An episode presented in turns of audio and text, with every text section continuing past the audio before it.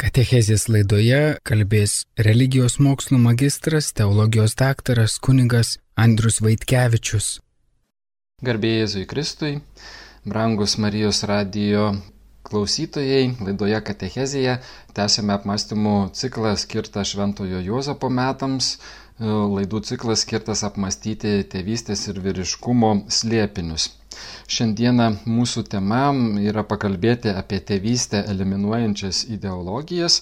Priminsiu, jog praeitame mūsų susitikime kalbėjome apie tėvo statusą vaidmenį šio laikinėje visuomenėje.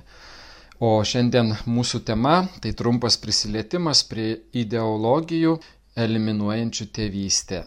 Patriarchalinėje visuomenėje socialinė tvarka buvo kuriama remintis įveikimo modelį, kuris panašus į pačią patriarchalinę tėvystę. Tiek ekonomika, tiek politika, kultūra, įvairios ideologijos visų pirmiausia kovojo su patriarchato idėja. Transformavus patriarchalinę visuomenę, transformuojasi ir tėvo autoritetas, socialiniai santykiai ir taip toliau.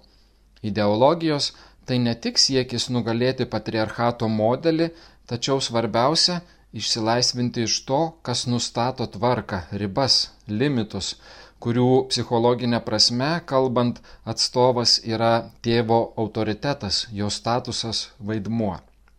Kviečiu trumpai pažvelgti į 20-ojo amžiaus ideologijas pasyvėjančias mus 21 amžiaus žmonės bei įtakojančias pasirinkimus daromus ne tik pavienių asmenų, kada kalbame apie tėvystės ar motinystės klausimus šeimose, tačiau ir valstybinių lygmenių, kuriant įstatyminės bazės gyvenimo šeimoje klausimais. Kalbėsime apie marksizmą, hitlerizmą, feminizmą, gender ideologiją, analizuosime, kokią kultūrinę įtaką jos darė ir daro tiek tėvui, tiek šeimai. Marksizmo ideologija socialinės inžinerijos būdu siekė sukurti visuomenę, kuri būtų terpė pačiai ideologijai skleistis. Siekiama sukurti naujomis laisvėmis gyvenantį žmogų, kuris savo gyvenimu oponuotų liberalizmo idėjai. Komunizmui svetima laisvo žmogaus idėja ir tokia idėja besivadovaujanti visuomenė. Karlas Marksas, nors ir siekė sukurti laisvų piliečių visuomenę, tačiau joje neatsirado vietos žmogaus laisviai ar jo kilnumui, orumui. Jis mąstė, kad išsprendus ekonominių procesų tvarkingumą pati visuomenė susinormalizuos. Tai tapo ideologijos neveiksnumo ir žlugimo pagrindu nepagarba tiesai apie patį žmogų. Tiesa, pati pirmoji seksualinė revoliucija įvyko ne vakarų Europoje, kaip mes dažnai įsivaizduojame, tačiau bolševikinėje Rusijoje, besivadovaujančioje marksistiniais idealais. Procesas, kurį šiandieninė sociologija vadina socialinės inžinerijos eksperimentu. Jis išprovokavo didžiulę daugybę skirybų, abortų, neištikimybės ir kitas problemas susijusias su šeiminiu gyvenimu. Antroji panaši ideologija, kuri gyvavo gerokai trumpiau - hitlerizmas arba nacizmas. Nors vidinė logika jos viena kitai oponavo, tačiau abi sukūrė totalitaristinius režimus, kurie vadovavosi tais pačiais principais - įrankiais savo tikslams pasiekti Žmogus - ideologijos tarnas. Ideologija - galutinis tikslas. Ne žmogus ir jo gerovė. Abie ideologijos neleido reikšti laisvos minties, kišdavosi visas gyvenimo sritis - kultūrą, mokslą, santykius ir taip toliau. Tam, kad pasiekti savų tikslų, reikėjo susilpninti šeimos institutą, nes ideologiškai valdomose šeimose Tėvo vaidmenį atlieka partija, atlieka idėja. Ir priešingai, kur tvirtos šeimos, pilnaverčiai ir stabilūs santykiai, ten ideologijos klaida ribota, kadangi tėvas atlieka savo statusą, vaidmenį ir jis yra tas, kuris padeda išsiugdyti kritišką mąstymą ir daryti tau pačiam kaip asmeniui naudingus ir gerus pasirinkimus. Vadinasi, tvirta šeima kurioje kiekvienas atlieka jam pagal prigimti ir pagal pasąmoninėme ligmenyje galiojančius dėsnius savo statusus ir vaidmenis, pagrindinis kliuvinys ideologijos klaidai ir išlikimui. Hitlerizmas bandė pakeisti šeimos tėvą universaliuoju tėvu, pačios ideologijos vaisiumi. Tokie ideologiniai pokyčiai, verčiantis kitaip suvokti šeiminius santykius, nuvedė prie dramatiško konflikto tarp prigimties ir kultūrinės formacijos suvokimo, pasireiškinčio vyriškosios ir moteriškosios lyties supriešinimu. Ir šiandien matome šių dviejų ideologijų pasiekmes, kada nebekreipiamas dėmesys į biologinės, psichologinės, prigimtinės tiesas apie žmogų, o žmogus vis dar daromas įrankių tam tikriems tikslams siekti. Tačiau pasikartokime svarbę mintį, kad ir kiek, kad ir kokios ideologijos bandytų modifikuoti suvokimą apie žmogų, apie šeimą, apie tėvą, apie motiną, tiesa įrašyta žmogiškajame DNR ir jo psichofizinėme ir dvasinėme lygmenyje vis tiek išlieka nepakitusi. Vakarietiškosios kultūros gimimas neišsprendė šio keblaus klausimo, tačiau atnešė dar naujų iššūkių, naujų pastangų socialinėme ir politinėme lygmenyje, kuriant naujas suvokimo normas, naujus standartus, primetant, kaip ir marksizmo ar hitlerizmo atveju, tai, kas yra normalu ir draudžiant kalbėti apie tai, kas yra tiesa apie žmogų ir apie šeimą. Gimsta naujas normalumo suvokimas. 1964 metais Junktinėse Amerikos valstijose gimė feminizmo judėjimas. Judėjimas kovojo už juodųjų diskriminacijos panaikinimą ir savo esme buvo kairiųjų pažiūrų judėjimas. Vėliau išplito akademiniuose sluoksniuose po visus Junktinių Amerikos valstijų universitetus. Pirmajame raidos etape, kurio akivaizdžia lyderė tapo Frieden, judėjimas vienijo išsilavinusias moteris, kurios tikėjo, jog lygybės principas gali būti pasiektas darant teisinės reformas. Antrajame etape kova suintensyvėjo išsikeliant vis radikalesnius siekius įvesdinti socialinius pokyčius. Šis judėjimas padėjo pamatus šiandieninėms diskusijoms, kurių regiamas rezultatas yra lygių galimybių siekių užtikrinimas politikoje ir įstatymų leidime. Su kokiu iššūkiu susidūrė feminizmas? Pagrindinis išsikeltas tikslas - iš naujo atrasti moters didingumą. Tačiau tikrovėje pavyko tik susikoncentruoti prie diskriminacinio pobūdžio klausimų, kurie iki pat mūsų dienų siekia lygybės kasdienio gyvenimo šeimos, bendruomenių klausimuose ir taip toliau. Turime konstatuoti, kad esminis klausimas turėtų būti ne moters socialinių vaidmenų analizavimas, o pačios prigimtinės tiesos apie moterį pažinimas. Čia socialinių vaidmenų analizavimo kontekste gimsta gender ideologija, kuri keičia socialinius santykius. Gender ideologija, kuri kultūrinėme ligmenyje keičia mąstymą ir žmonių pasirinkimus šeiminių gyvenimo, šeiminių statusų atitikmens klausimais. Moters užduotis pagal feminizmo buvo siekis civilinėje plotmėje įtvirtinti tam tikrą moteriškumo suvokimą, kultūrą, kuri atitiktų jos biologinį litiškumą, atspindėtų jos būdą mylėti, kurti santyki ir taip toliau. Tačiau tikrovėje gavosi taip, kad feminizmas moteris nuvedė link atsiribojimo nuo moteriškojo identiteto tam, kad galėtų pasiekti visiško lygumo principo ir gyventi pasaulyje pagal vyriškuosius būdus, arba kaip lyčiai neutralus asmuo. To pasiekoje sparčiai pradėjo keisti santykiai šeimose tarp vyrų ir moterų, tarp tėvo ir vaikų, tarp motinos ir vaikų. Jeigu patriarchalinėme šeimos gyvenime šeima rėmėsi ant tėvo instituto, po feminizmo šeima pradėjo remtis moteriškojų pradmeniu.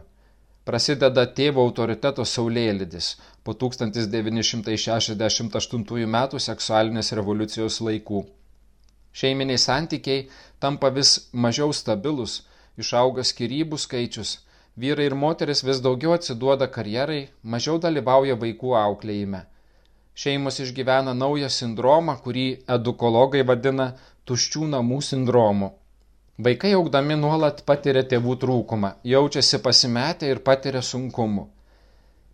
Analizuojant radikaliojo feminizmo veikalus, matome, kad paneigiant savo prigimtinį litiškumą ir ignoruojant pagal prigimti tėvui ir motinai priklausančius statusus ir vaidmenis, toks siekis nepadeda kovoti su moters pažeminimu ir lygių teisų jai užtikrinimu. Kaip sako Marius Binasko, moteris siekdama savęs sutapatinimo lygumo prasme su vyru, komplikuoja savęs pačios identifikavimuose ir savęs atradimo procesą, nesuprasdama, ką reiškia būti moterimi. Lygybė tarp vyrų ir moterų negali konkretizuotis atmetant litiškumo tikrovę ir nekreipiant dėmesio į tai, kokį specifinį vaidmenį, statusą kiekvienas turi atlikti savo asmeninėje gyvenimo istorijoje. Šios ideologijos ne tik sumenkino tėvo figūrą vyro figūrą, tačiau ir patį lyčių skirtingumo principą pastatė ant klaustuko. Litiškumas pradedamas suvokti kaip socialinis, formuojamas reiškinys, kuriam kaip pagrindas pasitarnauja žmogaus laisvės ir kultūrinis poveikis. Prigimties klausimas nepaneigiamas, jis tiesiog ignoruojamas, tarsi būtų neveiksnus. Taip gimsta gender ideologija. Tai terminas pirmą kartą panaudotas 1975 metais Rubin, skirtas identifikuoti, kad kalbama apie litiškumo klausimus susijusius su vyriškumu ir moteriškumu. Šis terminas talpina savyje identiteto klausimus, santykių ir socialiai susikloščiusių vaidmenų, kurie nėra susiję su biologinė prigimtimi, tačiau talpina savyje įvairius įsitikinimus, santykių įvairovę, pasirinkimus. Kaip vienas garsiausių mūsų dienų sociologų Pier Paolo Donati sako, kad naudojamas terminas gender neturimas mintyje biologinis moters ir vyro skirtingumas, tačiau kalbama apie visuomenėje išdirbtą naują biologinio suvokimo principą, sukurtą kultūrinėme lygmenyje, turinti gilų sąryšį moderniojoje visuomenėje su socialinėmis struktūromis ir atspindinčiais atskirų individų gyvenime. Gender ideologija sukūrė naują būdą suvokti vyrą ir moterį. Pagal gender teoriją vyru ir moterimi tampama kultūrinio formavimosi proceso metu ir įgaunant tam tikrą kultūrinį identitetą. Tokiu būdu ši teorija paneigia tikrovę, grįsta vyro moters litiškumo pagrindu kuriamų santykių. Kyla iššūkis vaikams, kad ateina raidos etapai, kuriuose jie turi integruoti savojo litiškumo identiteto suvokimą, atitinkantį jų prigimtinę biologinę tiesą. Pasiekmes matomos ne tik atskirų asmenų brandos proceso sutrikimuose, tačiau ir visuomenės skaldime ir naujose socialinės inžinerijos praktikose, kurios deformuoja pačios visuomenės stabilumo pagrindą.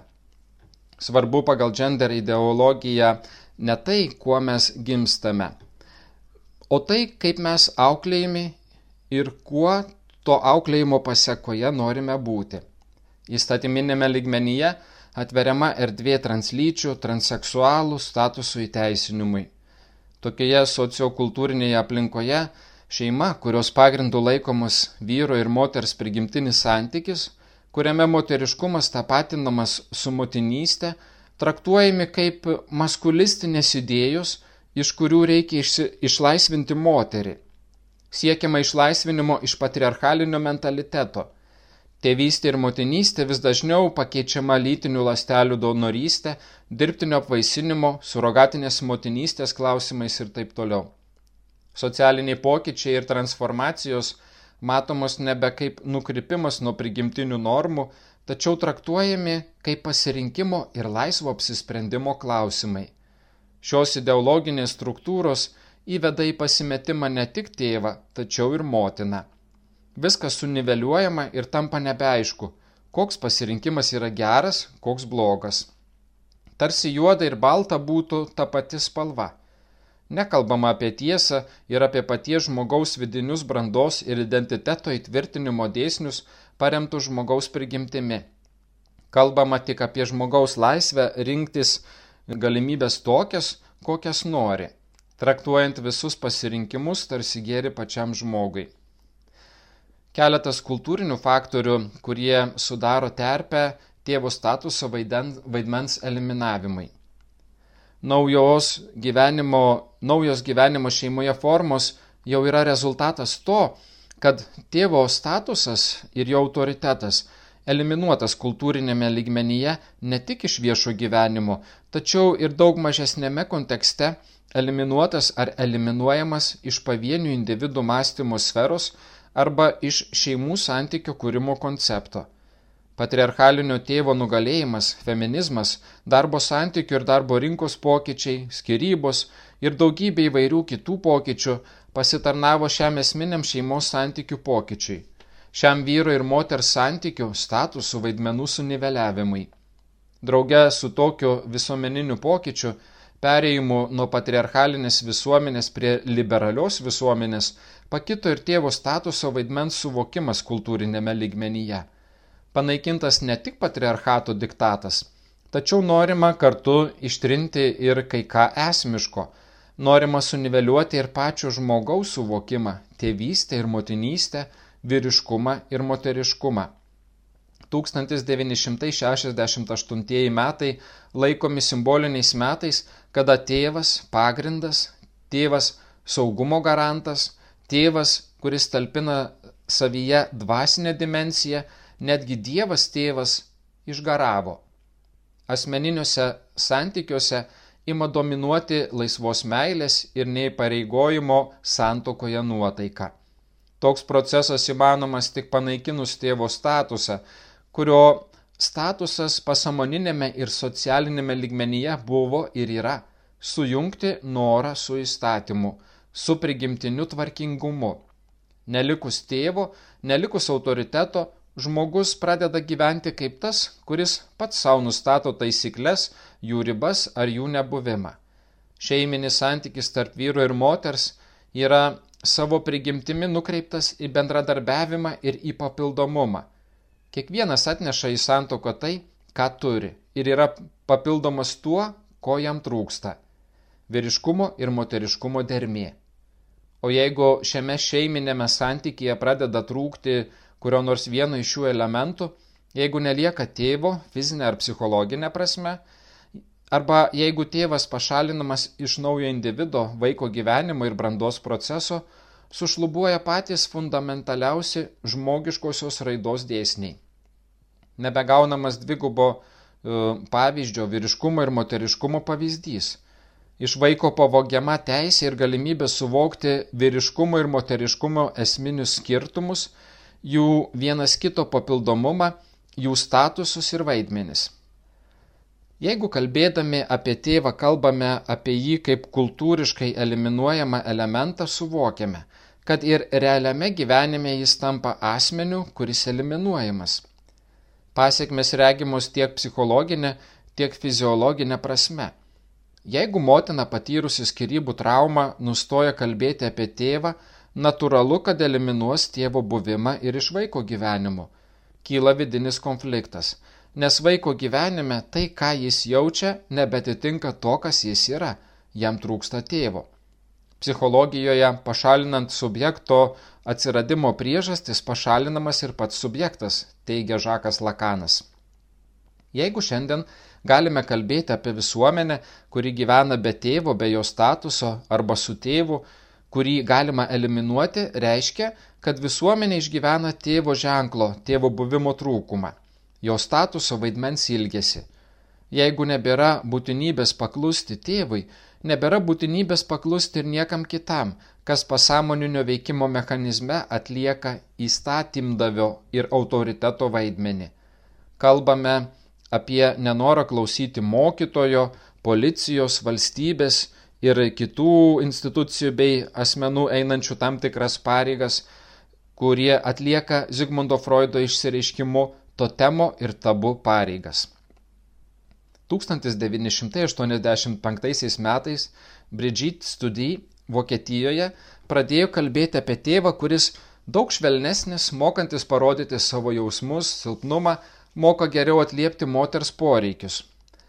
Vyrai patiria identiteto krizę, krizes, vis dažniau didžiuojasi būdami vyrais, o dar pridėkime kad 20-ame amžiuje praužė du pasauliniai karai, palikę vaikus be tėvų, o šiais laikais kalbėkime apie 50 procentų nutrūkstančių santokų, tęsiasi be tėvių šeimų tikrovė. Nuo 1992 metų Jungtinės tautos, kalbėdamos apie tėvystę ir motinystę, įveda naują terminologiją - prokreaciją. Šis precedentas sukuria terpę, kurioje galima kalbėti apie naujos gyvybės, vaiko atsiradimą neįtraukiant pačių tėvų į šį procesą. O ypatingai tai liečia tėvą, vyrą, kuris tampa elementarių spermos donoru. Skirybų atveju vaikai dažniausiai lieka gyventi su mamomis – jiems leidžiamas tik epizodinis dalyvavimas vaiko auklėjime. Šis teisinis instrumentas, dažniausiai apginantis fiziologinę prasme artimesnį ryšį tarp motinos ir vaiko, tuo pačiu metu nukerpa pačiam vaikui vieną esmingiausių elementų - santyki su tėvu. O dar jeigu pridėtume analizę, kiek trokštant nubausti savo buvusi sutoktinį melagingai paliudijama apie nederamą tėvo elgesį su vaiku, siekiant apriboti matymosi su vaiku teisės. Problematika tikrai gili ir plati. Auga šeimų skaičius, kuriuose nėra tėvo. O tikroji bausmė neapsiriboja vien tik išsiskyrusių šeimų įstatyminių santykių apibrėžimu. Tikroji rizika dar laukia kasdienėje tikrovėje. Rizika, nes vyrai, būsimieji tėvai, gali pradėti ar jau pradėjo tėvystę suvokti kaip kančios ir pažeminimo šaltinį. Tokia psichologinė būsena keičia vyrų elgesį. Jie vis mažiau nori įsivelti į skirybų procesus, nenori būti atskiriami nuo vaikų. Gal todėl tai tampa priežastimi, dėl kurios nenorima kurti šeimos, nenorima kurti įsipareigojančio santykio. Nes trokštama apsisaugoti nuo trauminių patirčių, kurias matė savo šeimose, savo namuose ar savo draugų ir pažįstamų namuose. Tad moteriai įstatymų leidėjas suteikia tikrai didelės sprendžiamasias galės, kuriomis apibrėžiamas tėvo bendravimas su vaikais po įvykusio formalaus skirybo procesu. Gūdį autorius 2000 metais taip apibūdino vaikų patikėjimo motinoms procesą. Didžioji dalis vaikų auklėjami moterų dažnai vienišų, dėl to, kad 90 procentų atvejų joms patikimas vaikų auklėjimas. Dėl to tėvai yra marginalizuojami toje pirmojoje šeimoje ir negali perteikti galiojančio elgsenos modelio. Dažnai atstovauja kritusi stabą Dievą, kuris suklydo. Ši nesėkmė neišvengiamai keičia psichologinės gyvenimo šeimoje schemas. Tėvas yra nužudomas, ne savo įpėdinio, vaiko, tačiau savo žmonos arba savęs paties savižudybę pažymėta atsitraukimu. Vaikas dažniausiai tampa uždaru, lengvai pasiduoda nusiminimui, patiria socializacinių sunkumų ir taip toliau. Visa tai dėl to, kad jam pritrūksta tų simbolinio ligmens e, saugumo garantų, kuriuos gali užtikrinti tik abu tėvai. Vaikas nuolat priklausomas nuo tėvų, kadangi dar nesubrendęs ir jam nuolat reikia priežiūros. Jeigu negauna pagalbos ir palaikymo, jaučiasi apleistas. Ir nors mama atlieka didžiąją dalį auklėjamojo darbo, tačiau tai nėra pilnas paveikslas to, kaip turėtų būti ugdomas žmogus. Jeigu eliminuojamas tėvas, taip pat ir motina nebegali sukurti gero santykio su vaiku kada neigiama tėvystė ar neigiamas tėvo statusas vaidmuo, neigiama ir vaiko atsiradimo istorija, nutraukiamas santykis tarp kartų. Netgi pagarba kūnui ir gyvybei glaudžiai susijusi su tėvo klausimu. Kūnas dėl savo santykio su subjektu, kaip jį gražiai pavadino šventasis Jonas Paulius II, asmens sakramentas, tampa produkcijos objektu Biotehnologijos atveria galimybės rinktis, kontroliuoti gimstamumą ir gyvybę, palikti gyventi embrionus ar nužudyti ir taip toliau. Tapimas žmogumi atsiduria paties žmogaus rankose ir tokia elgsena leidžiama parlamentuose įteisintais įstatymais. O psichologiškai vaiko be pradmenų, be tėvo ir motinos atsiradimas kuria nemirtingo žmogaus iliuziją – iliuzija, kuri nemato santykio su tėvais, seneliais ir natūralia mirtimi, laukiančia kiekvieno žmogaus. Tačiau šiandieninėje visuomenėje yra ir džiuginančių momentų. pastebimas sugrįžimas prie atsakingos tėvystės. Skirybo atveju vis dažniau galvojama apie vaiko gerovę ir jo teisę turėti santyki su tėvu ir motina. Bet dar pastebime didelės spragas ir problemas, kalbant apie skirybų fabriką, apie greitasias skirybas. Vis dar labiau kalbama apie tėvo ar motinos teisę į vaiką, o ne vaiko prigimtinę teisę turėti savo gyvenime juos abu. Nesunkiai suvokiame, kad įvairias šeiminio santykio traumas išgyvenęs asmuo pats sunkiai kuria šeiminį santyki ir savoje potrauminę patirtį dažnai nesąmoningų būdų pritaiko savo kasdienybėje, tarsi nenutrūkstama grandis pagal lietuvių liaudės patarlę – obolys nuo obels netoli rieda. Reikia tad savo santykių analizės, kad nutraukti tą įdingą ratą, tą rėdėjimą netoli nuo obels. Tėvas pats savaime netampa tėvu vien dėl to, kad generuoja lytinės lasteles būtinas naujos gyvybės atsiradimui. O juk yra dar ir dvasinė tėvystė, kuriai neužtenka lastelių susijungimo. Kad tapti tėvu, reikia sujungti dvi laisvės ir du norus tokia galimybė eliminuojama, jeigu kalbame tik apie prokreaciją, kurioje svarbus tik X ir Y genai, jeigu pašalinami tėvas ir motina.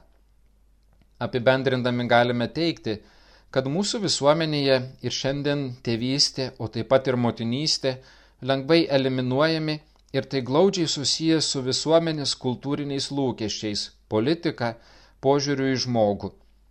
Jeigu statusų ligmenyje neįsijungia vidiniai pasąmoniniai veikimo mechanizmai, pasiekmes bus ir yra tikrai sunkios. Jaunoji karta užauga neturėdama į ką lygiuotis ir iš ko mokytis.